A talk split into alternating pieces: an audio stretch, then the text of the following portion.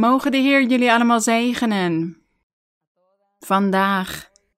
Wij danken onze God omdat Hij ons weer de kans heeft gegeven om samen te zijn, om bijeen te komen op deze manier, jullie in jullie woning, in jullie appartement, jullie huis, waar jullie ook maar zijn, waar God heeft toegestaan dat jullie zijn in deze situatie die we aan het meemaken zijn.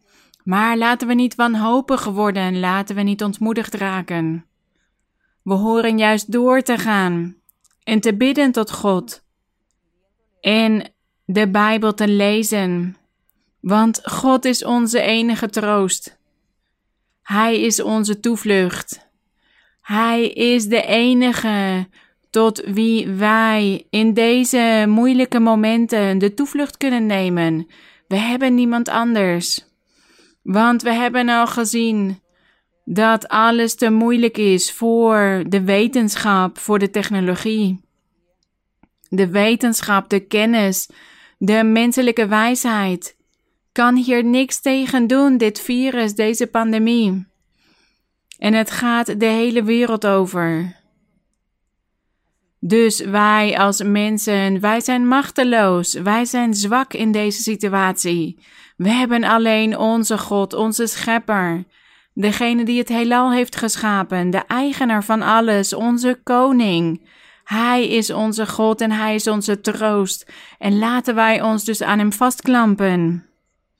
Laten we niet ontmoedigd raken en terugvallen, want als we terugvallen, dan zal het slechter met ons gaan. En laten we juist op adem komen. Sterk zijn, dapper, strijden en optimistisch zijn en voorwaarts gaan. En God zal met ons zijn en Hij zal ons helpen. En Hij zal ons op een moment helpen en Hij zal deze plaag, deze besmettelijke ziekte wegnemen. Hij heeft het toegestaan om te straffen vast en zeker ons ook te straffen omdat we God waren vergeten. En daarom is God de wereld aan het waarschuwen. Dat ze aan God horen te denken, dat ze God horen aan te roepen, dat ze zijn naam gedenken en tot hem gaan bidden om barmhartigheid. Goed, wij zijn hier samengekomen om te leren. U kunt allemaal plaatsnemen. En vandaag Voordat wij het woord van de Heer gaan overdenken, mijn geliefde broeders en zusters, en iedereen die wellicht nog niet de kans heeft gehad om naar onze kerk toe te komen, om een bijeenkomst bij te wonen, maar we nodigen jullie uit.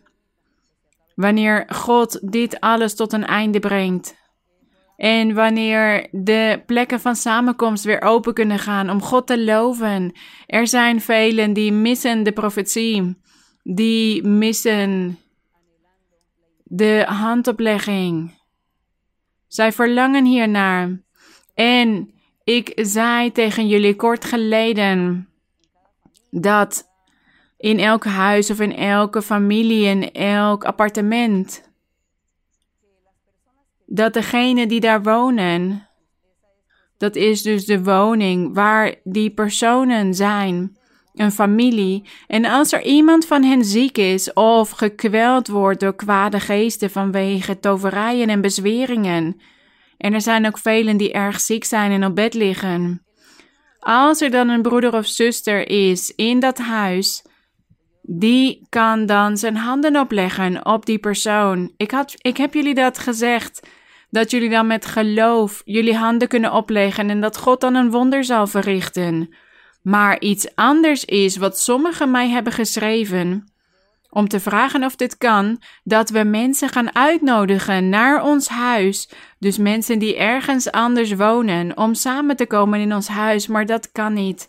Dat is gevaarlijk. Ten eerste omdat de overheden hebben aangekondigd dat we afstand moeten houden en dat we bepaalde regels moeten naleven vanwege dit virus. En daarnaast is het ook gevaarlijk. Wanneer er bijvoorbeeld bepaalde families, een aantal families samenkomen in één huis en samen gaan loven en tot God gaan bidden en handen opleggen en profeteren, dat is onjuist. Want wellicht hebben jullie niet die capaciteit om te onderscheiden. Of op dat moment het wel de Heilige Geest is die zich aan het manifesteren is. Of wellicht zijn het misleidende geesten. Want het is gevaarlijk. Er is een kans dat de duivel een misleidende geest stuurt naar die bijeenkomst. En als niemand kan onderscheiden, dan zal de duivel de geestelijke levens van degenen die daar aanwezig zijn aantasten.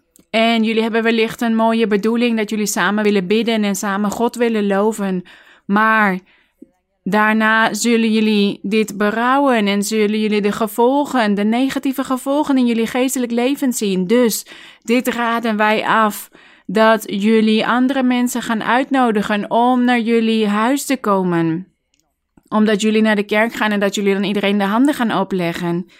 Nee, toen ik het had over thuis de handen opleggen, had ik het niet over andere mensen uitnodigen naar ons huis toe. Nee, als er een familie is en zijn bijvoorbeeld vier mensen, dus vader, moeder en twee kinderen, en een van hen gaat naar de kerk, hoort bij de kerk, en een ander van die familie, van dat gezin is ziek, dan kan diegene die naar de kerk toe komt, de handen opleggen en tot God bidden. Maar wees dus behoedzaam voor dit soort uitnodigingen. Om samen te komen met andere families. En ik heb het hier over de grote steden, want er zijn ook vele broeders en zusters die wonen op het platteland of in de jungle of aan de rivieroever of aan een meer en die wonen heel ver weg in een afgelegen gebied. En wellicht hebben ze een buurman die van de kerk is, die bij de kerk hoort. En zijn eigen gezin bestaat uit twee personen en het gezin van de buurman ook. Dus als zij voorzichtig zijn en de hygiëneregels in acht nemen, dan kunnen ze wellicht wel samenkomen. Die twee families in één huis, want wellicht is er maar één huis waar internetverbinding is. En ja, dan kunnen ze samenkomen en zeggen: Kom naar mijn huis, want ik heb internetverbinding. Dan kunnen we samen naar het onderricht kijken. Want u heeft zelf geen internet thuis. Dat kan wel. In die gevallen. Dus, mijn geliefde broeders en zusters, deze plaag zien we over de hele wereld. En elk land heeft zijn eigen regels. En het is overal zo anders. En soms zijn er mensen die wonen dus op het platteland of in hele kleine dorpjes. Dus in overeenstemming met de behoeften kunnen jullie handelen. Maar wat ik jullie dus zeg is: nodig geen mensen uit om naar jullie huis te komen. En om dan samen lofuitingen te doen en handen op te leggen en te profiteren. Doe dat niet, want dat is gevaarlijk. Het kan dus zijn, ik herhaal het, dat er misleidende geesten zich gaan manifesteren. En de duivel kan dan jullie geestelijk leven vernietigen, dus we horen te handelen met wijsheid. Met wijsheid. In elk land zijn er bepaalde regels opgelegd. Het is niet overal hetzelfde. Bijvoorbeeld hier waar ik ben, zegt de overheid dat we twee meter afstand moeten houden van andere personen. Twee meter Afstand. Moeten we afstand houden van elkaar? En er horen ook niet te veel mensen samen te komen in een ruimte. Dus hier zijn we bijvoorbeeld maar met z'n tienen. Dat is wat de overheid hier toestaat. Maar we zijn dus allemaal met genoeg afstand uit elkaar. En we moeten ook met een mondkapje rondlopen. Dat zijn dan die instructies of die regels. Maar er zijn andere landen waar mensen niet eens naar buiten mogen gaan om iemand te bezoeken. Dus ik raad jullie aan, mijn broeders en zusters, degene die de gave van profetie hebben, jullie kunnen bidden in jullie eigen huis en de vrijheid geven aan de Heilige Geest en God zal tot jullie spreken als Hij dit wil. Maar laten we dus niet andere mensen gaan uitnodigen naar ons huis toe om profetie te geven, om handen op te leggen. Wellicht als we mensen uitnodigen, dan is er een van hen die het virus heeft. En daarna hebben anderen ook dit virus. En dan beginnen ze te onderzoeken. En dan komen ze erachter dat jullie samen zijn gekomen als kerk. En dan beginnen ze de kerk te belasten en vragen waarom wij dit soort bijeenkomsten toestaan. Dus, broeders en zusters, ik hoop dat jullie mij hebben begrepen. Zo niet. Het e-mailadres van de kerk van mij staat op de website van de kerk. Jullie kunnen mij schrijven als het niet duidelijk was. En jullie kunnen ook schrijven naar broeder Carlos Alberto als jullie dat willen, of naar andere broeders. Op de website vinden jullie meer informatie. Dus als jullie twijfels hebben, dan zullen wij jullie vragen beantwoorden. Goed, dit alles in de liefde van de Heer. Goed, ik weet dat jullie plaats hebben genomen en dat jullie klaar zijn voor het onderricht van vandaag. Vandaag gaan we het hebben over de heerlijkheid van God. Wanneer we in de Bijbel lezen, lezen we vaak over de heerlijkheid van God. Dat die zich had geopenbaard of dat hij was neergedaald. En er zijn ook een aantal koren die wij zingen over de heerlijkheid van God. Dat de heerlijkheid is neergedaald, de glorie van God. En vandaag gaan we daar dus over hebben, over de heerlijkheid van God. Dat is het enige thema van vandaag de heerlijkheid van God. En er zijn vele heerlijkheden, want de zon en de maan en de sterren hebben een eigen heerlijkheid of glans.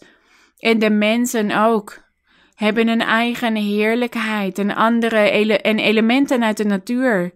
Die hebben allemaal een eigen glans of een eigen heerlijkheid. Maar vandaag gaan we het hebben over de heerlijkheid van God. Waar de Bijbel over het over heeft. En we gaan hierover lezen vandaag, zodat we kunnen begrijpen wat die heerlijkheid van God is en waar het over gaat. Want soms zingen we de koren en de lofliederen en die gaan over de heerlijkheid van God of de glorie van God. Maar er zijn velen die niet begrijpen wat dit betekent, de heerlijkheid. De heerlijkheid van God, wat betekent dat? Of de glorie. En daar gaan we het vandaag over hebben. En ik hoop dat jullie ook allemaal de Bijbel hebben klaar liggen. We gaan in Exodus zoeken. Exodus hoofdstuk 16. Exodus hoofdstuk 16, vers 10. Hier gaan we lezen. En in dit hoofdstuk, in hoofdstuk 16, dit hoofdstuk gaat over toen God het manna aan het volk van Israël had gegeven. Het volk van Israël dat onder leiding van Mozes in de woestijn was gekomen. Want ze waren uit Egypte vertrokken onder leiding van Mozes. En ze waren in de woestijn aangekomen en het eten was opgeraakt en het water. En zij moorden tegen God en tegen Mozes. En zij zeiden: Waarom heb je ons naar de woestijn gebracht om honger te lijden, om te overlijden van de honger? En dit hoofdstuk gaat dus over het manna dat God naar hen toe had gestuurd om hen te voeden. Maar wij gaan het hebben over de heerlijkheid van God. Wat is de heerlijkheid van God? En laten we lezen. In vers 10, eerst in vers 9. Daarna zei Mozes tegen Aaron. Hij was de hoge priester. Zeg tegen heel de gemeenschap van de Israëlieten: Kom naar voren voor het aangezicht van de Heer, want hij heeft uw gemor gehoord. Want hij was boos geworden, hij was toornig geworden op het volk vanwege het gemor van het volk. Vers 10. Terwijl Aaron tot heel de gemeenschap van de Israëlieten sprak en zij zich naar de woestijn keerden, gebeurde het dat, zie, de heerlijkheid van de Heere in de wolk verscheen. Dus hier staat dat in de wolk de heerlijkheid van de Heere verscheen. Dus wij zeggen, ja, wat is die heerlijkheid dan? De heerlijkheid van de Heere. Hoe verscheen die? We zien hier dat de Heere tot Mozes aan het spreken was toen hij verscheen in die wolk, sprak hij tot Mozes. En hij zei: Ik heb het gemor van de Israëlieten gehoord. Ik ben toornig op hen geworden. Maar hier staat dus: zie de heerlijkheid van de Heere verscheen in de wolk. Dus als we naar dit vers kijken, zien we dat de heerlijkheid van de Heere de aanwezigheid van God was. Dus in plaats van deze woorden, de heerlijkheid van de Heere, zouden we kunnen zeggen: zij keerden zich naar de woestijn en het gebeurde dat, zie, de aanwezigheid van God in de wolk verscheen. En de Heere sprak tot Mozes. Dus de heerlijkheid van de Heere is de openbaring van God, de manifestatie van God. Een grote manifestatie. En hij manifesteerde zich in een wolk, want hij had zich ook op een heerlijke manier kunnen manifesteren, op een andere manier. Maar hij wilde zich in een wolk manifesteren. Dus hier staat dat de heerlijkheid van de Heere in de wolk was verschenen. Maar dit is dus hetzelfde als dat de aanwezigheid van God in de wolk verscheen. Dus de Heere verscheen zelf in die wolk. En laten wij verder gaan naar hoofdstuk 24 van ditzelfde boek. Exodus, 4, Exodus 24. En Mozes is hier op de berg de Sinaï. Nog steeds in de woestijn en hij spreekt tot God. En God geeft hem de tafelen met de wetten. Maar terwijl Mozes met God aan het spreken was, was het volk in zonde vervallen en waren ze afgodendienaars geworden. En hier dus in Exodus 24, vers 16 staat dat God aan het spreken was met Mozes en hij gaf hem instructies over wat Mozes moest doen. En in vers 16, vers 15 staat: Toen Mozes de berg opklom, nadat hij die instructies van de Heer had ontvangen, toen Mozes de berg opklom, bedekte de wolk de berg. De heerlijkheid van de Heere bleef op de berg Sinaï rusten. Dus laten we hier weer het woord heerlijkheid veranderen. We zouden dan zeggen: de aanwezigheid van de Heere bleef op de berg Sinaï rusten. Dus in dit vers zien wij ook dat de heerlijkheid van God zijn openbaring is, zijn manifestatie. Wanneer Hij zich manifesteert. Net als wanneer wij zeggen de heerlijkheid van God is in ons midden. Dat betekent dat God in ons midden is. God zelf, zijn aanwezigheid. Zijn aanwezigheid die zich aan het manifesteren is, aan het openbaren is. En daarom wordt het de heerlijkheid genoemd. De heerlijkheid van de Heere bleef op de berg Sinaï rusten. En de wolk bedekte hem zes dagen lang. Hier staat dat de wolk de heerlijkheid van de Heere bedekte, of de aanwezigheid van God. En wij ontdekken dus dat de heerlijkheid de aanwezigheid van God is. En de wolk bedekte hem zes dagen lang, zodat Mozes het gezicht van de Heere niet kon zien, zijn aangezicht. Op de zevende dag riep hij Mozes vanuit het midden van de wolk. Dus die wolk bedekte de Heer, bedekte God, want God was op die berg. Zijn aanwezigheid en Mozes sprak met God van aangezicht tot aangezicht, maar hij kon niet het gezicht van God zien, want er zat een wolk tussen hen in. Die wolk bedekte God. En dit is dus de heerlijkheid van God. En wanneer we dus dat koor zingen over dat de heerlijkheid of de glorie van God is neergedaald. Soms begrijpen we niet wat we zingen. En er zijn zoveel lofliederen die prachtige zinnen hebben, maar velen begrijpen het niet. En ze vragen er ook niet naar wat het betekent. Waarom zingen we dit? Wat betekent dit? Wat betekent dit woord? Want dan zouden we zoveel prachtige, mysterieuze woorden ontdekken. En zoveel mooie dingen begrijpen. Dus met dit onderricht zijn wij iets meer aan het leren over de koren en de lofliederen, over wat wij zingen. En laten we nu naar hoofdstuk 40 gaan, Exodus hoofdstuk 40. Exodus hoofdstuk 40, vers 34.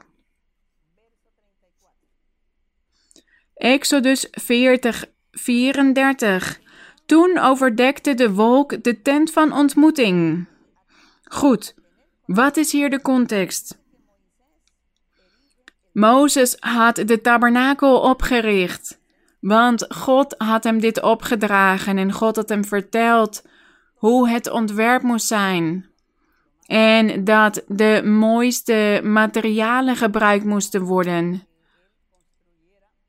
om die tabernakel voor God te bouwen. Want in die fysieke tabernakel zou het volk komen om God te loven en te verheerlijken.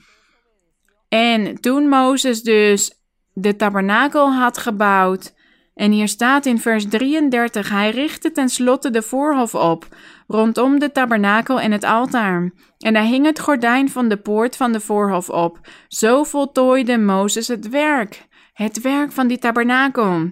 Vers 34. Toen overdekte de wolk de tent van ontmoeting. En de heerlijkheid van de Heere vervulde de tabernakel. Dus jullie weten nu al wat de heerlijkheid van God is. De, de heerlijkheid van de Heere. De aanwezigheid van God. De aanwezigheid van de Heer vervulde de tabernakel. Maar deze was ook overdekt door een wolk, zodat zij het gezicht van de Heer niet konden zien. En hier staat dus dat in de tent van de ontmoeting in de tabernakel de heerlijkheid van de Heere was neergedaald. En jullie zien, dit is een eenvoudig onderricht. Maar wellicht hadden jullie hier nog nooit over nagedacht wat die heerlijkheid van God eigenlijk is de heerlijkheid van de Heere. Leviticus, hoofdstuk 9. Leviticus, hoofdstuk 9, vers 23. Hier gaat het over Mozes en Aaron als hoge priester en dat zij in de tabernakel, in de tent van ontmoeting, God aan het dienen waren. En dat zij het volk zegenden. En in vers 23 staat. In vers 22. Daarna hief Aaron zijn handen op over het volk en zegende hen. Toen kwam hij naar beneden nadat hij het zondoffer, het brandoffer en het dankoffer gebracht had. Vervolgens ging Mozes met Aaron de tent van ontmoeting binnen. En toen zij er weer uitkwamen, zegende zij het volk. En de heerlijkheid van de Heere verscheen aan heel het volk. Hier staat dat de heerlijkheid van de Heere verscheen aan heel het volk. Dit was dus de aanwezigheid van God. De aanwezigheid van God die verscheen aan heel het volk. Maar op welke manier? Hier staat in vers 24: Een vuur ging uit van het aangezicht van de Heere en verteerde het brandoffer en de vetdelen op het altaar. Toen heel het volk dit zag, juichten zij en wierpen zich met het gezicht ter aarde.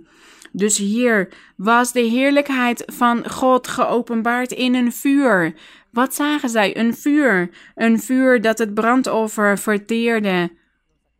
En de vetdelen op het altaar. En in dat vuur was God, de aanwezigheid van God. Dus dit vuur zorgde ervoor dat het gezicht van God bedekt was. Maar dit was God die zich aan het manifesteren was, aan het openbaren was. Tot deze mensen in die tijd. En wij zien dus over de heerlijkheid van God in die tijd. Maar we gaan het ook hebben over de heerlijkheid van God in deze tijd.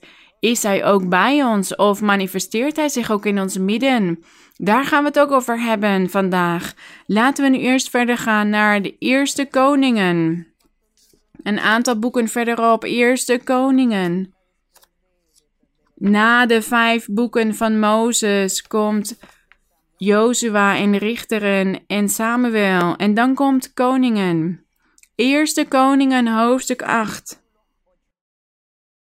Eerste Koningen, hoofdstuk 8. We zijn aan het leren wat de heerlijkheid van God is. En waarom er zo vaak over de heerlijkheid van God gesproken en gezongen wordt. Eerste Koning, hoofdstuk 8, vers 11. In dit hoofdstuk lezen we de geschiedenis van Salomo dat hij een prachtige tempel had gebouwd, vol pracht, vol luxe. De prachtigste tempel die heeft bestaan in de geschiedenis van de hele mensheid, de prachtigste tempel voor God.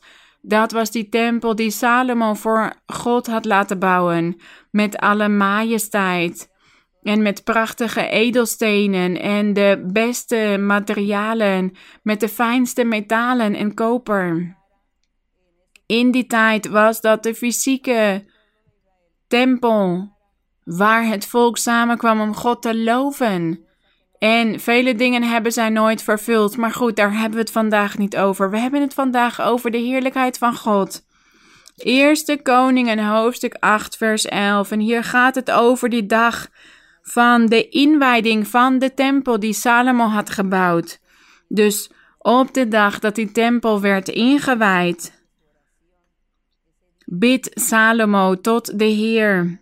En er werden ook vele offers gebracht tot God op die dag. En in vers 11 staat, vers 10. En het gebeurde toen de priesters uit het heiligdom gingen, dat de wolk het huis van de Heere vervulde. Hier zien we weer een wolk. Vers 11. Vanwege de wolk konden de priesters niet blijven staan om dienst te doen, want de heerlijkheid van de Heere had het huis van de Heere vervuld.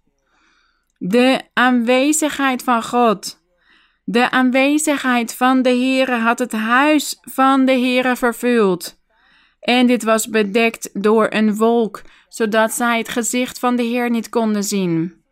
Dit was gebeurd op die dag van de inwijding van de tempel.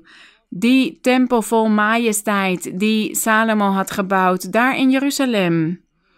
Goed. Wij zien dus dat de heerlijkheid van God God zelf is die zich manifesteert, die zich openbaart aan zijn mensen, aan zijn volk, aan zijn gelovigen. Hij openbaart zich. En wij gaan ook kijken of hij dit vandaag ook doet.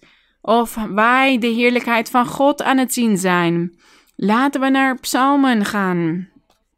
Ongeveer op, het op de helft van de Bijbel. Psalm 63.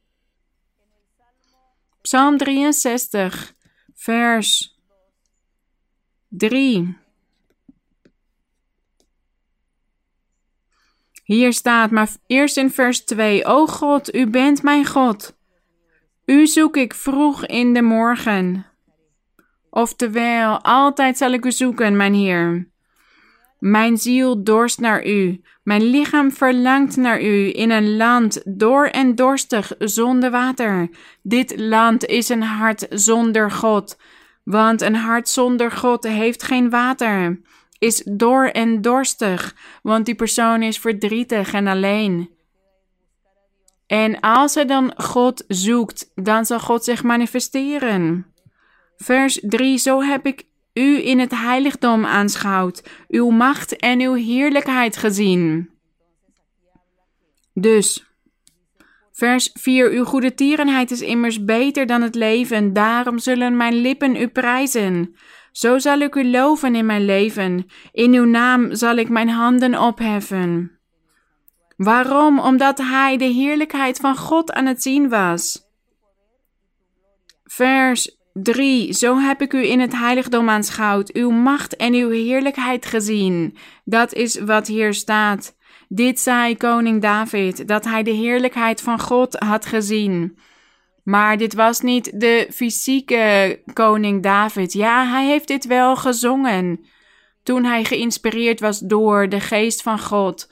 Maar dit waren woorden van de Heer Jezus Christus zelf.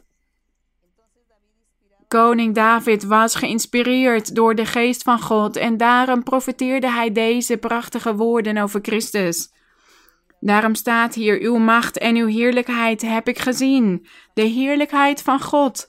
En laten we verder gaan naar Psalm 85. Psalm 85 over de heerlijkheid van God of de aanwezigheid van God die geopenbaard is. Psalm 85, vers 10. Ja, zijn heil is nabij hen die hem vrezen. Ja, zijn verlossing is nabij hen die God vrezen, dus die in God geloven en van Hem houden en Hem zoeken met heel hun hart. En hier staat waarom, zodat er eer in ons land woont. Eer of de heerlijkheid de aanwezigheid van God in het hart van iedereen die naar Hem zoekt. Want hier staat in ons land, maar het gaat niet over de aarde, over de aardbol. Het gaat over het hart van mannen en vrouwen die God zoeken. En daarom staat hier: Ja, zijn verlossing is nabij hen die God vrezen of God in God geloven, zodat er glorie of eer of heerlijkheid of de aanwezigheid van God in het hart van de mens woont. Dat is de heerlijkheid van God, de aanwezigheid van God. Zo manifesteert Hij zich.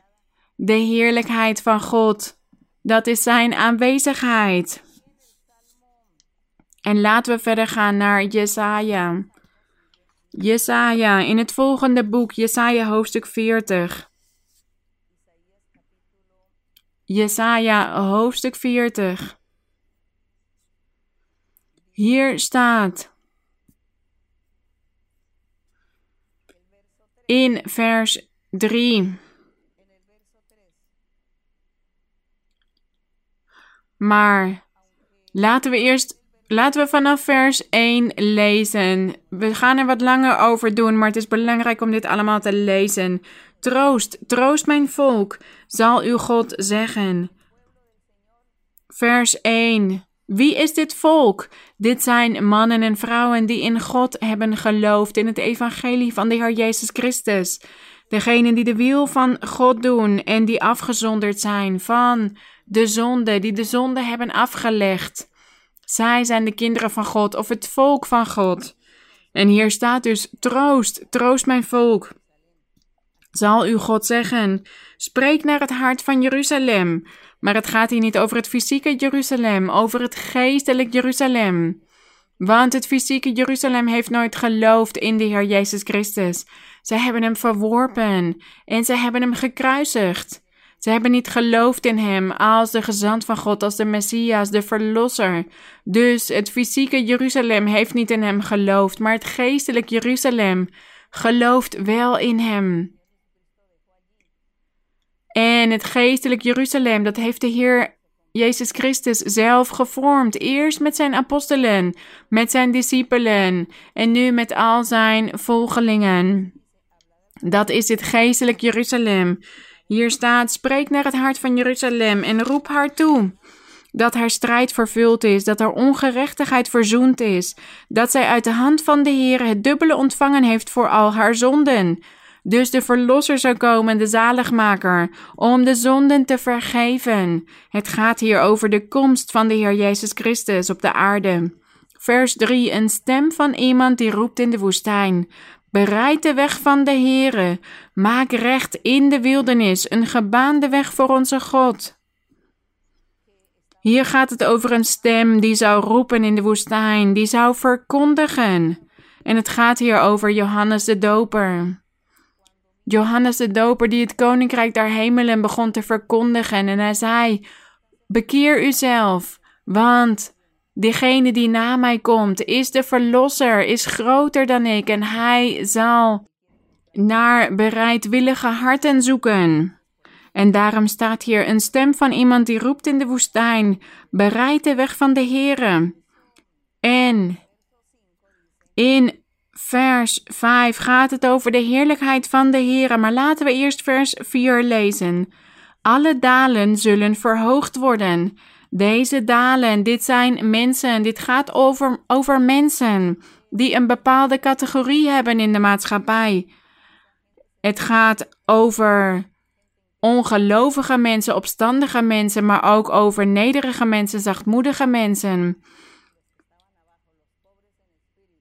En zo zijn er dus de armen van geest. De eenvoudigen, zijn, zij, zij zijn die dalen en ze zullen verhoogd worden, staat hier.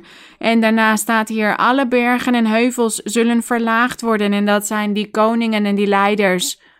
Degenen die dachten dat ze een hele hoge positie hadden in de maatschappij, maar ze zouden verlaagd worden. Want ze hebben niet in Christus geloofd. Ze zullen niet in Hem geloven. Dus ze zullen vernederd worden en verlaagd worden. Wat krom is, zal recht worden. Wat krom is, dat waren al diegenen die de weg van God niet kenden, de rechte weg. Maar hen zou de rechte weg onderwezen worden, de geloofsleer van God. Dus die kromme wegen zouden rechtgemaakt worden. En wat rotsachtig is, zal tot een vlakte worden. Dus rotsachtig, dit zijn, dit waren die mensen die waren vol geweld en vol boosheid. En die zouden zachtmoedig worden en nederig. Die zouden een vlakte worden, want dat was de belofte van de Heer, dat Hij dat zou doen in de mensen. Want Hij zou het hart van de mensen veranderen, verbeteren. Hij zou de levens verbeteren. Dat is het wonder dat de Heer Jezus Christus doet. Hij verandert het hart van iedereen. Vers 5. En nadat dus iedereen deze geloofsleer hoort, deze prachtige geloofsleer, dit prachtige evangelie, dan zal de heerlijkheid van de Heere geopenbaard worden in jullie leven en jullie hart. En alle vlees, oftewel alle mensen tezamen, zal het zien. Wat zullen ze zien? De heerlijkheid van de Heere. En wat waren zij aan het zien? De Heer Jezus Christus zouden ze zien. Want de Heer Jezus Christus is God. Hij is het woord, de gezant van God en hij is God zelf. En in dit vers staat dit. Dus nadat dit, die stem in de woestijn zou roepen om de weg van de Here te bereiden. Want dat was het werk van Johannes de Doper. Dan zal, daarna zal de heerlijkheid van de Heere geopenbaard worden aan alle vlees, dus alle mensen. Ze zullen het tezamen zien. En iedereen heeft hem gezien. Degenen die koppig zijn, opstandig waren, de ongelovigen, maar ook degenen die wel geloofd hebben en nederig waren. Ze hebben hem allemaal gezien. Zijn bediening, zijn werk, alles wat hij heeft gedaan, die wonderen en hoe hij harten heeft veranderd en zonden heeft vergeven. En daarom staat hier: de heerlijkheid van de Heere zal geopenbaard worden en alle vlees tezamen zal het zien, want de mond van de Heere heeft gesproken. Dus de heerlijkheid van de Heere, dit was de aanwezigheid van God die onder de mensen zou zijn. En die zou geopenbaard worden aan iedereen die zou geloven in hem. En wie waren de eersten? De apostelen. De apostelen hebben de Heer gezien. Zij hebben de heerlijkheid van onze God gezien. In de Heer Jezus Christus, de aanwezigheid van God in de persoon van Jezus Christus. Zij hebben Jezus Christus zelf gezien. En daarom zei de Heer Jezus Christus: Wie mij ziet, ziet de Vader. Wie mij heeft gezien, heeft de Vader gezien. De heerlijkheid van God in hem. Hij zei dus: Jullie zien mij. Willen jullie God zien? Kijk dan naar mij. Willen jullie de Vader zien? Kijk dan naar mij. Dat is de heerlijkheid van God. En hij heeft zich geopenbaard in de Heer Jezus Christus. Gezegend zij de naam van onze Heer. En laten we verder gaan naar Jesaja. Hoofdstuk 60. Vers 1 en 2. Hier staat Jesaja 60. Sta op, word verlicht, want uw licht komt. En de heerlijkheid van de Heere gaat over u op. En waar gaat het hier over? Tegen wie zegt hij? Sta op, word verlicht. Dit zegt hij tegen de kerk, tegen de gelovigen in Christus Jezus, tegen de volgelingen van het ware evangelie van de Heer Jezus Christus. Tegen hen zegt hij: Sta op, word verlicht, want uw licht komt. En dit is de Heer Jezus Christus. Hij zal komen. En de heerlijkheid van de Heer, oftewel de aanwezigheid van God, gaat over u op, want hij gaat zich manifesteren in uw midden, in uw hart. In het hart van allen die van het evangelie houden en erin geloven. Vers 2, want zie, de duisternis zal de aarde bedekken en donkere wolken de volken. Ja, dit is voor de ongelovigen. Voor hen zou er duisternis komen op de aarde. En donkere wolken, dat is hetzelfde. Voor de volken staat hier. Maar over u, de kerk of de gelovigen, zal de Heere opgaan. En zijn heerlijkheid zal over u gezien worden. Jullie zullen God zien, de heerlijkheid van God. En zij hebben het gezien in de persoon van Jezus Christus. Maar gaan wij dus zeggen: wij hebben de heerlijkheid van God niet gezien, want wij hebben de Heer Jezus Christus niet persoonlijk gezien? Gaan wij dat ook zeggen? Daar gaan wij naar kijken of wij ook de heerlijkheid van God hebben gezien of niet. Laten we verder gaan naar Ezekiel. Na Jesaja komt nu Ezekiel. Hoofdstuk 10. Ezekiel hoofdstuk 10, vers 4. Ezekiel 10, 4. Hier staat. Hier gaat het over de visioenen die Ezekiel zag. Want God die sprak tot de profeet Ezekiel door visioenen. Hij sprak tot hen en tot hem en hij onderwees hem vele dingen over de straffen voor de volken en alles wat hij moest profeteren tot het volk van Israël, dat liet hij zien. God liet het zien door visioenen. En in vers 10 gaat het ook over een visioen. En in vers 4 staat, vers 3, hij had een wagen gezien met wielen en er was een man die in linnen gekleed was. En hij zag gerubs. En in vers 3 staat: De gerubs stonden rechts van het huis toen de man binnenkwam. En de wolk vervulde de binnenste voorhof. Dit was de visioen dat die Ezekiel aan het zien was. Vers 4. Toen verhief de heerlijkheid van de Heere zich van boven de gerub naar de drempel van het huis de heerlijkheid van de Heere, oftewel de aanwezigheid van God. Die verhief zich van boven de gerub naar de drempel van het huis. Daarop werd het huis vervuld met de wolk en de voorhof was vol van de lichtglans van de heerlijkheid van de Heere. Het was een visioen, maar God stond Ezekiel ook niet toe om zijn gezicht te zien. En daarom was er die wolk, die wolk om het gezicht van de Heere te bedekken. Maar de heerlijkheid van de Heere was wel daar, oftewel de aanwezigheid van God. Dus wij zien dat de heerlijkheid van God zijn aanwezigheid is. En wij verlangen ernaar en wij gaan ook aan de Heer vragen om Hem, om Zijn heerlijkheid te zien. Wij gaan niet tegen de Heer zeggen: Heer, ik wil uw gezicht zien. Nee, want Hij heeft gezegd: nee, dat niemand dat zal zien. Maar wel dat Zijn aanwezigheid in ons hart mogen zijn, in ons leven, dat kunnen we wel aan de Heer vragen. En laten we naar Ezekiel 43 gaan. Hoofdstuk 43, Ezekiel hoofdstuk 43 in vers 5. Ezekiel bleef hier vertellen over al die visioenen die God hem had laten zien. En in dit visioen had hij een nieuwe tempel gezien voor de toekomst. Hij zag een tempel, een nieuwe tempel voor de toekomst. Het was geen tempel die bestond op dat moment.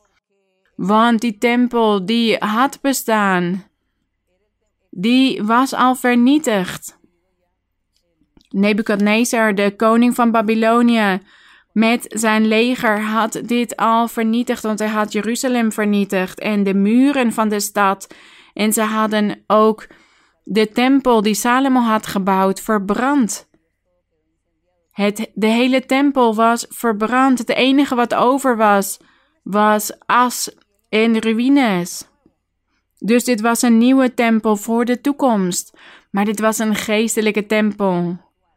De tabernakel van de Heer, de nieuwe tempel, de heilige berg, onze Heer Jezus Christus met zijn kerk. Dat is wat hij aan het zien was. De Heer Jezus Christus als de kerk, als het hoofd. En de gelovigen als zijn lichaam. Dus deze tempel die Ezekiel hier zag, was geestelijk, niet fysiek.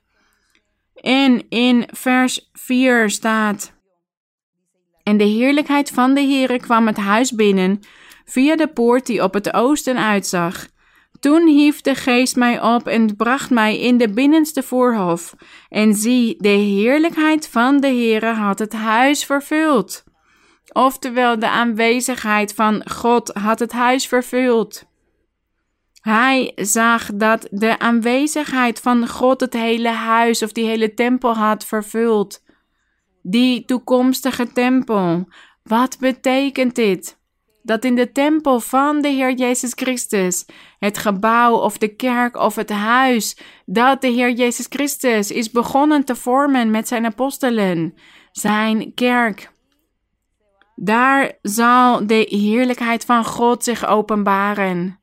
In zijn geheel geopenbaard worden, de heerlijkheid van God. En hier staat dus: de heerlijkheid van de Heere had het huis vervuld.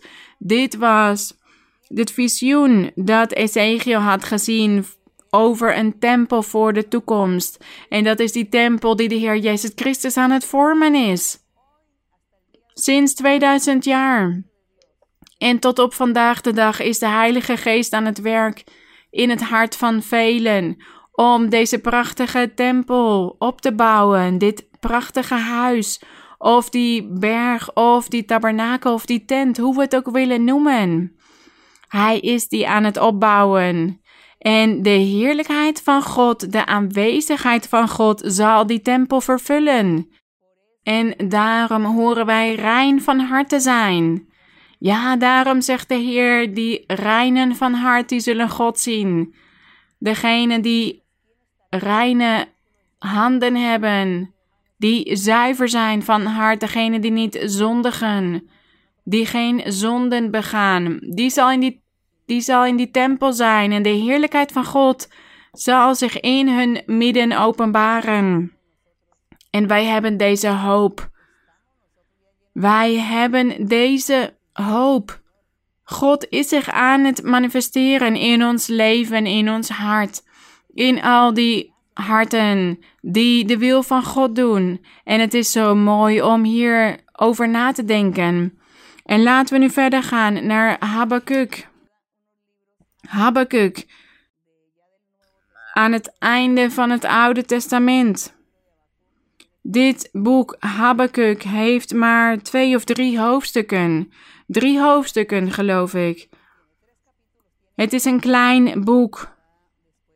En het komt na het boek Misha en voor het boek Zephania. Wellicht is het niet makkelijk om te vinden, want het is een klein boek. Hier staan profetieën beschreven van deze profeet. Het waren korte profetieën die God aan deze profeet had gegeven, de profeet Habakkuk. Hoofdstuk 2, vers 14. Habakkuk 2, 14. In dit boek van de profeet Habakkuk kondigt God aan dat hij zich in de toekomst zou manifesteren in zijn volgelingen En hij spreekt ook over het werk dat die Messias, dat de Heer Jezus Christus zou doen. En de Heer was aan het beloven dat zijn aanwezigheid in het hart van al die mensen zou zijn. In het hart van al, allen die door deze volmaakte koning gered zouden worden. Vers 14.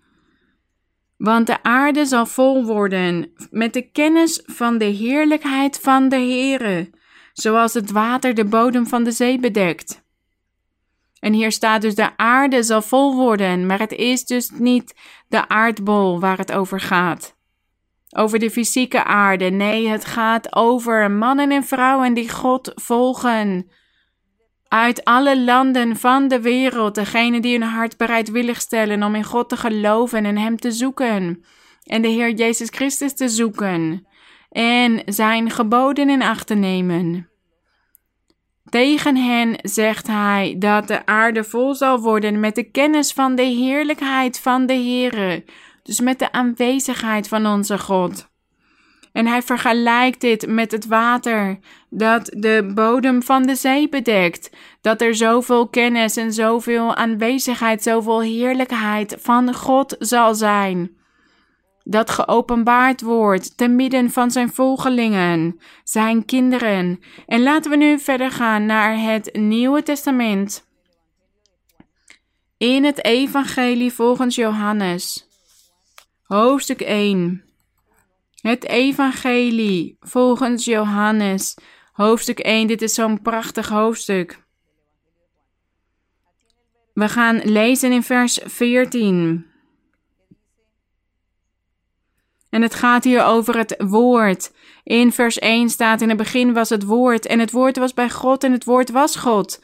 En door hem zijn de dingen gemaakt, en zonder dit woord is geen ding gemaakt dat gemaakt is. En hij laat hier dus zien dat de Heer Jezus Christus de Zoon van God is en ook God zelf is. Vers 14. En het woord, oftewel Christus Jezus, is vlees geworden. Het woord is vlees geworden, want daarvoor was hij God zelf. En hij is een stuk vlees geworden om mens te worden, een lichaam. En heeft onder ons gewoond, staat hier. En wij hebben zijn heerlijkheid gezien. Dit zegt Johannes. Wij hebben zijn aanwezigheid gezien zijn heerlijkheid, een heerlijkheid als van de enige geborene van de Vader, vol van genade en waarheid. Ja, want hij zei zelf, de Heer Jezus Christus, wie mij ziet, heeft de Vader gezien. Daarom staat hier een heerlijkheid als van de enige geborene van de Vader, vol van genade en waarheid. Dus het was ook de aanwezigheid van de Heer Jezus Christus, de heerlijkheid van de Heer Jezus Christus, want Hij is God zelf. Daar gaat het hier over in dit vers. En laten we nu naar hoofdstuk 17 gaan van Johannes. Dus in ditzelfde boek, maar dan in hoofdstuk 17. Hier staat Johannes 17, vers 22. Hier bidt de Heer voor zijn discipelen. En in zijn gebed zegt hij in vers 22 tot de Vader. En ik heb hun de heerlijkheid gegeven die u mij gegeven hebt. Dit zegt de Heer Jezus Christus tegen de Vader, opdat zij één zijn, zoals wij één zijn. Dit is wat de Heer Jezus Christus hier zegt, dat Hij en God de Vader één zijn. Vers 23. Ik in hen en u in mij. Vers 24. Vader, ik wil dat waar ik ben, ook zij bij mij zijn die u mij gegeven hebt, opdat zij mijn heerlijkheid zien, die u mij gegeven hebt, omdat u mij hebt liefgehad voor de grondlegging van de wereld. Dus hij laat hier zien dat hij al voor de grondlegging van de wereld bestond.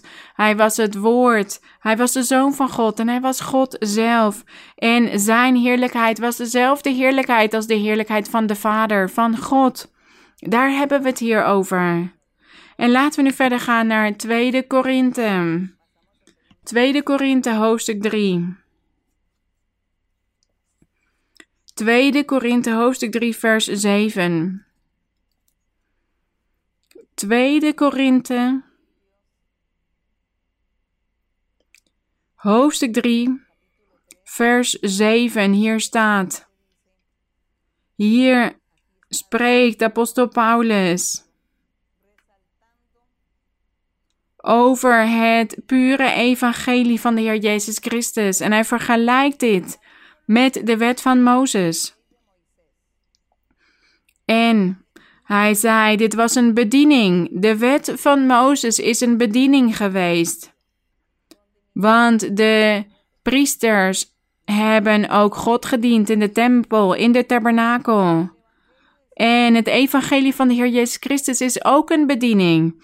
En de apostel zegt hier in vers 7: Als nu de bediening van de dood, oftewel van de wet van Mozes, met letters in stenen gegrift, want zo had God de wetten aan Mozes gegeven, in stenen gegrift, in heerlijkheid was, staat hier. Als nu de bediening van de dood in heerlijkheid was, Maar het heet de bediening van de dood, want niemand heeft het eeuwige leven kunnen ontvangen door de wet van Mozes. Daarom staat hier de bediening van de dood. Zo wordt de wet van Mozes genoemd, omdat niemand verlost kon worden vanwege de wet van Mozes. En hier staat, als nu die bediening van de dood in heerlijkheid was, want ja, de aanwezigheid van God is heel vaak bij hen geweest zodat de Israëlieten hun ogen niet op het gezicht van Mozes gericht konden houden vanwege de heerlijkheid van zijn gezicht, hoewel die teniet gedaan zou worden. Hoeveel te meer in vers 8 zal dan de bediening van de geest in heerlijkheid zijn? De bediening van het evangelie van de Heer Jezus Christus. Want de bediening van de geest, van de Heilige Geest, is die bediening van het evangelie waarin de Heilige Geest aan het werk is. Dus hier staat: hoeveel te meer zal die bediening dan in heerlijkheid zijn? Het evangelie van de Heer Jezus Christus. Want het is de geest van God die over de kerk heerst. En heerst in de harten van mannen en vrouwen om iedereen tot volmaaktheid te brengen en het eeuwige leven te kunnen geven.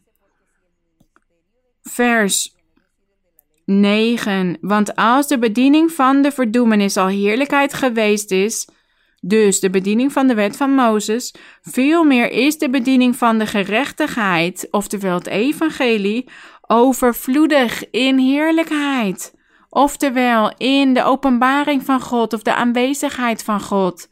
De bediening van het evangelie van de Heer Jezus Christus zal overvloedig zijn in heerlijkheid. Immers zelfs dat wat verheerlijkt was, is in dit opzicht niet heerlijk geweest. Vergeleken met de alles overtreffende heerlijkheid. Ja, want de wet van Mozes was heerlijkheid in die tijd vanwege wat God allemaal deed in hun midden. Maar het is niet voor altijd geweest. En de heerlijkheid van God zal nu wel tot in eeuwigheid bij ons zijn. En daarom is dat die alles overtreffende heerlijkheid, die van het evangelie. Want als wat er niet gedaan wordt in heerlijkheid was, veel meer is wat blijft in heerlijkheid. Gezegend zij de naam van onze Heer. En we zien hier dus deze openbaring. De openbaring van de Heer, de heerlijkheid van de Heer in zijn evangelie. Dus vandaag de dag hebben wij ook sinds 2000 jaar dat de Heer op de aarde is gekomen en het evangelie op de aarde heeft gelaten, hebben wij ook die heerlijkheid van God. Wij zijn hiervan aan het genieten. En iedereen die hiervan wil genieten, van die heerlijkheid in God, die, die heerlijkheid van God, die aanwezigheid van God in zijn hart, die kan hiervan genieten. Dat is die heerlijkheid van God. De aanwezigheid van God in het hart. En laten we nu naar 2 Korinthe hoofdstuk 4 gaan. In ditzelfde boek naar hoofdstuk 4 vers 6. Want God die gezegd heeft dat het licht uit de duisternis zou schijnen. Dit is de Heer Jezus Christus, het licht. is ook degene die in onze harten geschenen heeft tot verlichting met de kennis van de heerlijkheid van God in het aangezicht van Jezus Christus. Hier staat dat de heerlijkheid van God geopenbaard is in het aangezicht van Jezus Christus. En ik bied jullie mijn excuses aan voor de tijd die we nodig hebben voor dit onderricht. Wellicht moeten jullie vanavond iets later naar bed gaan vanwege dit onderricht, maar het is zo belangrijk dat we al deze versen lezen. Want we zullen ons vullen met optimisme vanwege deze versen. Dus mijn excuses voor de tijd. Maar laten we lezen in Colossensen hoofdstuk 1. We hebben het over de heerlijkheid van God. En wij zien dat we ook de heerlijkheid van God in ons hart hebben. Gezegend zij onze God. En in Colossensen 1, vers 27. Al deze versen zijn zo prachtig, maar we hebben niet genoeg tijd om ze allemaal te lezen. Vers 26, namelijk het geheimenis dat eeuwen en geslachten lang verborgen is geweest, maar nu geopenbaard is aan zijn heiligen. Dit geheimenis, het is het evangelie van de Heer Jezus Christus, het ware evangelie, zijn verkondiging. Dat is dit geheimenis dat eeuwen en geslachten lang verborgen is geweest, maar nu geopenbaard is aan zijn heiligen, dus aan zijn volgelingen, degenen die hem liefhebben en die zijn hart bereidwillig hebben voor God. Aan hen heeft God willen bekendmaken wat de rijkdom is van de heerlijkheid van dit geheimenis onder de heidenen. Christus in u. Dus die heerlijkheid van God, die is geopenbaard in Christus. Christus in u of onder u, de hoop op de heerlijkheid. Dus wij hebben ook die heerlijkheid van God in ons midden. En ik nodig jullie allemaal uit om hiervan te genieten, van de heerlijkheid van God, de aanwezigheid van God in jullie hart, in jullie leven. En laten we snel lezen in Openbaring. Openbaring hoofdstuk 21, het laatste boek van de Bijbel. Openbaring hoofdstuk 21, het ene laatste hoofdstuk van het laatste boek van de Bijbel. Openbaring 21, vers 23. Hier spreekt de Heer in deze openbaring die hij aan Johannes had gegeven. Hij had aan Johannes een openbaring gegeven. En Johannes zag een nieuwe hemel en een nieuwe aarde. En hij zag prachtige dingen die God heeft voor zijn volgelingen, voor zijn gelovigen. En ik nodig jullie uit om dit hele hoofdstuk te lezen, wanneer jullie daar de tijd voor hebben. Maar nu gaan we alleen vers 23 lezen, want we hebben het over de heerlijkheid van God. En we zien hier dat Johannes die ook heeft gezien, want hier staat in vers 23: En de stad heeft de zon en de maan niet nodig. Wat hier was gebeurd is dat Johannes een stad zag. En uh, die stad was van goud en de straat was ook van zuiver goud als doorzichtig glas. Het was een prachtige stad met prachtige straat. En in vers 22 staat: Ik zag geen tempel in haar in die stad, want de Heere, de Almachtige God, is haar tempel en het lam. Dus de stad heeft de zon en de maan niet nodig om haar te beschijnen, want de heerlijkheid van God, oftewel de aanwezigheid van God, verlicht haar. En het lam is haar lamp.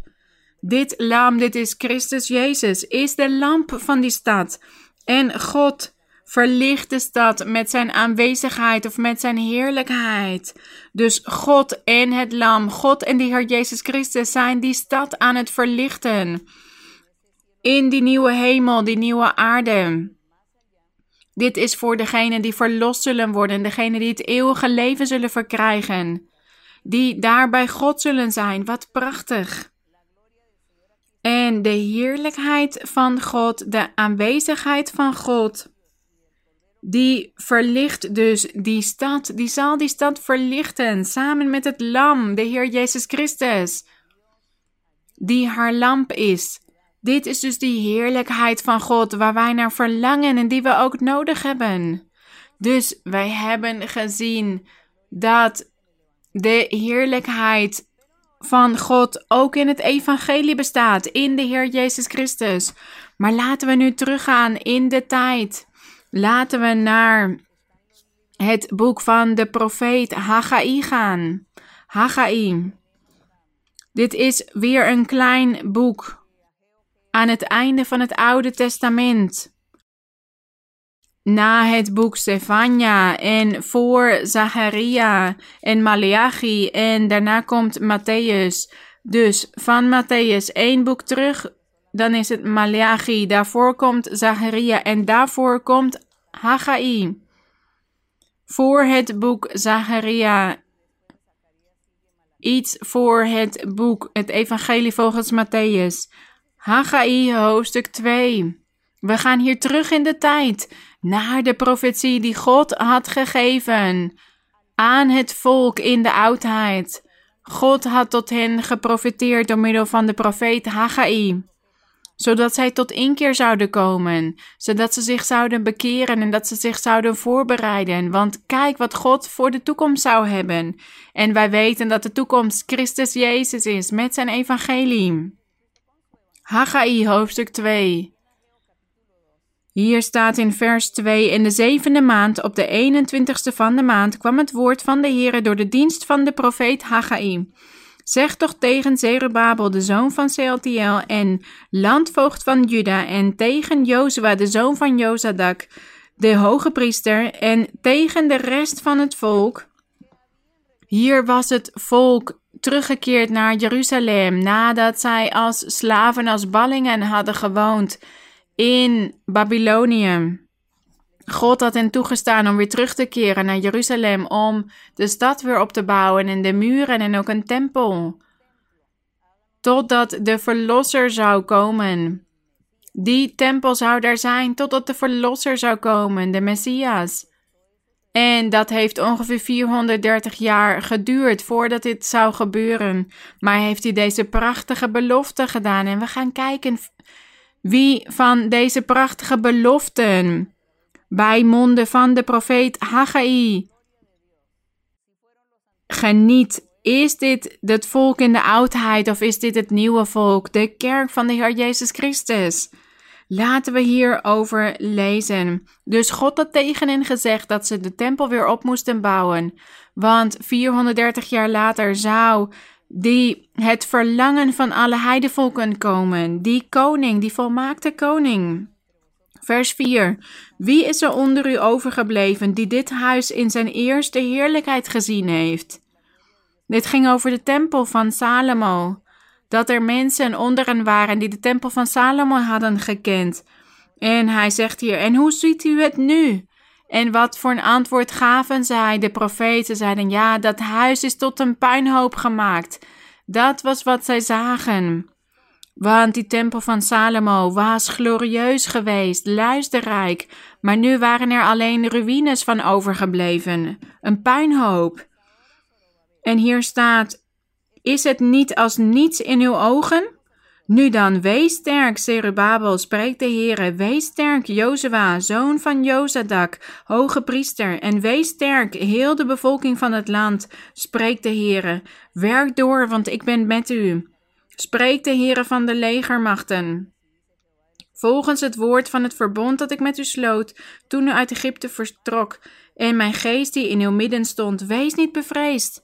Want zo zegt de Heere van de legermachten nog één ogenblik, en dat is een korte tijd, dan zal ik de hemel, de aarde, de zee en het droge doen beven.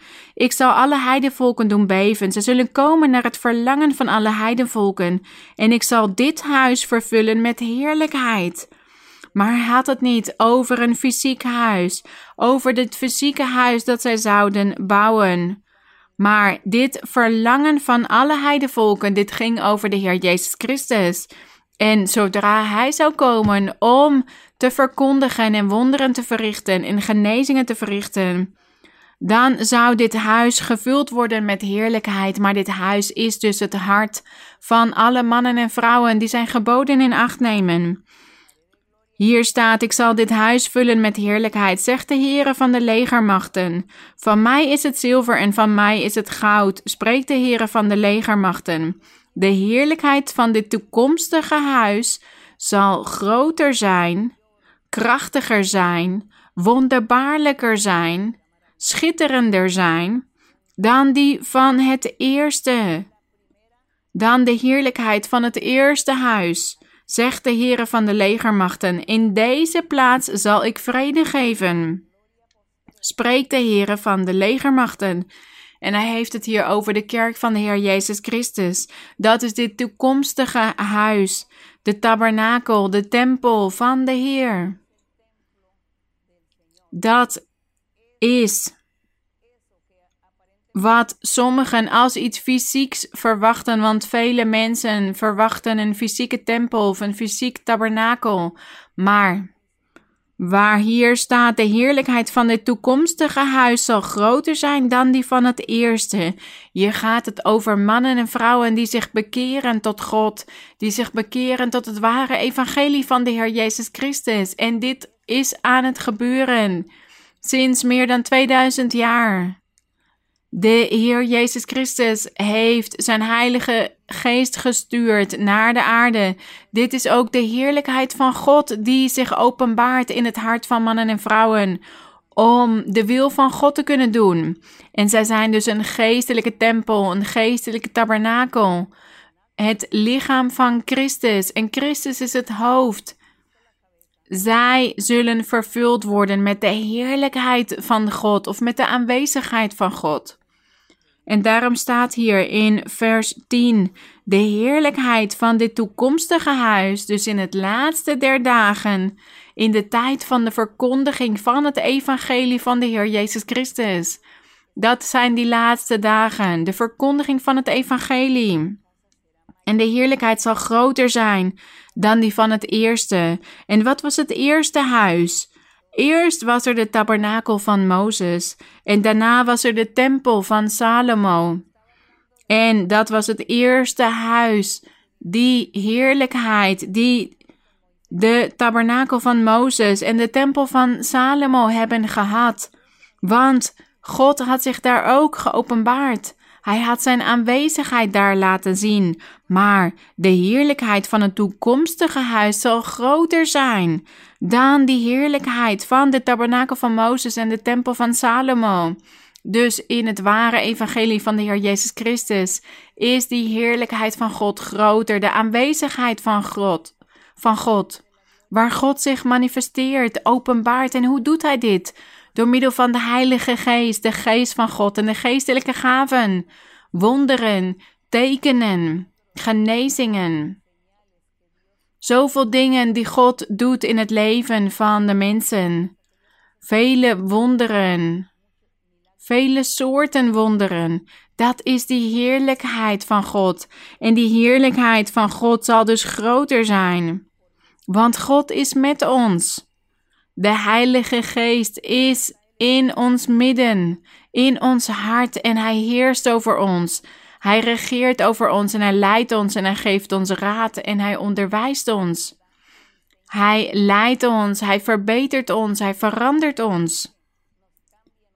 En Hij heeft vele zondige tendenties uit ons weggenomen.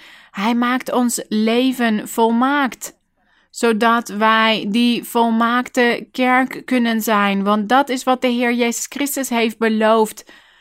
Dat hij haar zou heiligen, zou reinigen, omdat hij, opdat hij haar in heerlijkheid voor zich zou plaatsen.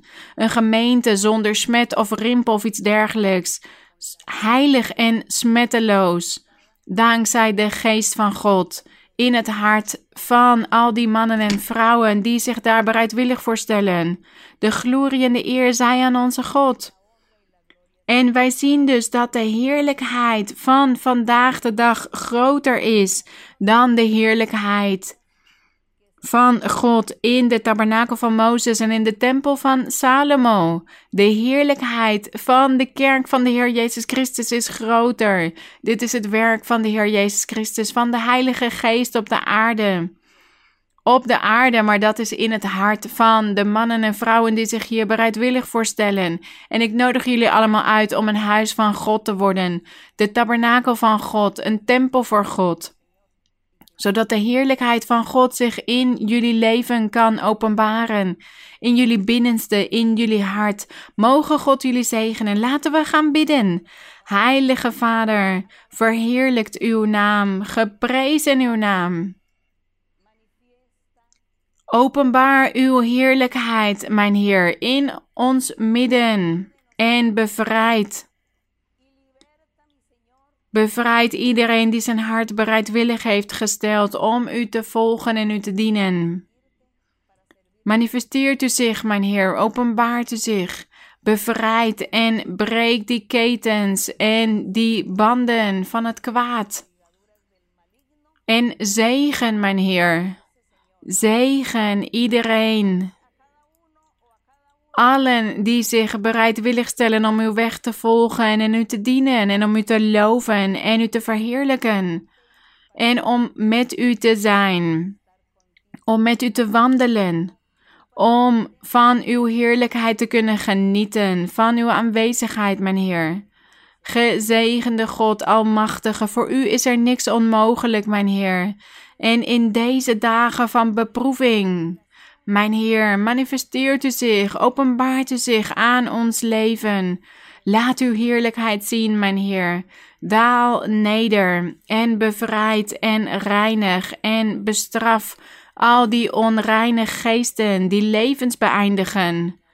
Vernietig het werk van het kwaad. Vernietig het werk van de duivel. Strek uw krachtige hand uit, mijn Heer, en zegen en bevrijd. Al diegenen die verdrietig zijn en bezorgd en ellendig en hulpeloos. Degenen die vastgebonden zijn, die slaven van de duivel zijn. Degenen die gevangenen zijn van de duivel, bevrijd hen, mijn Heer. Geef hen die vrijlating, want u bent liefde. U bent vergevingsgezind en u bent barmhartig, mijn Heer, en rechtvaardig. U bent die God die denkt aan degenen die lijden en die zoveel beloften doet, mijn Heer. U heeft zoveel beloften gedaan. En een van die beloften is dat als wij u aanroepen in de dag van benauwdheid, dat u ons eruit zal helpen en dat u en dat wij u zullen eren, mijn Heer. En ik vraag u, mijn Heer, om zich te manifesteren, want wij zijn deze dag van benauwdheid aan het meemaken, mijn Heer. Dus wij vragen u om ons eruit te helpen, om u te kunnen eren, mijn Heer, want u bent heilig en rechtvaardig en uw barmhartigheid is voor altijd, mijn Heer. En uw beloften zijn betrouwbaar en waarachtig. Heilige Vader, we danken u. Eeuwige God, in de luisterrijke naam van de Heer Jezus Christus, loven wij u en zegenen wij u en wij geven u de glorie en de eer, mijn Heer. Gezegend uw naam tot in eeuwigheid. We danken u, eeuwige God, in de naam van uw Zoon, de Heer Jezus Christus. En strek ook uw krachtige hand uit om te genezen, mijn Heer. Er zijn zoveel ongeneeslijke ziekten, kanker in het lichaam, in de organen van vele mannen en vrouwen. In hun organen, mijn Heer, is er veel kanker aanwezig. Strek uw hand uit, mijn Heer, en bevrijd en genees. Allen die naar u zoeken en tot u bidden en u om barmhartigheid vragen, mijn Heer. Bevrijd en reinig, mijn Heer. Ook al diegenen die slachtoffer zijn geworden van spreuken en vervloekingen en bezweringen, mijn Heer. En er zijn zoveel psychische ziekten. Velen die lijden onder depressie en verdriet en verbitterdheid en onbegrip. En er zijn vele families, vele gezinnen die vernietigd zijn, gebroken, verdeeld, mijn Heer. Strek uw hand uit, mijn Heer, en zegen hen, bevrijd hen. Geef hen voorspoed. Strek uw hand uit, mijn Heer, en laat niemand gebrek lijden. Wees barmhartig, eeuwige God. U bent onze Vader, u bent die levende God, die krachtige God, die ware God. En wij loven u, mijn Heer, wij zullen u loven en eren. En we zullen u altijd zoeken in geest en waarheid, want u bent geest, mijn Heer. En u wilt dat uw aanbidders uw, u aanbidden en u zoeken in geest en waarheid. En dat is wat wij aan het doen zijn, mijn Heer. Onderwijs ons uw weg elke dag weer. We danken u, mijn Heer, in de naam van de Heer Jezus, de glorie en de eer zij aan u. Amen. De glorie zij aan de Heer. Mogen de Heer jullie allemaal zegenen. Op een grote manier. Ik hou van jullie. Met heel mijn hart. En ik denk altijd aan jullie allemaal. Over de hele wereld weet ik dat er harten zijn die bereidwillig zijn voor onze God en die God aan het zoeken zijn. Dus ik hou van jullie in de Heer. Mogen God jullie groot zegenen. Vele omhelzingen voor jullie. Dank jullie wel.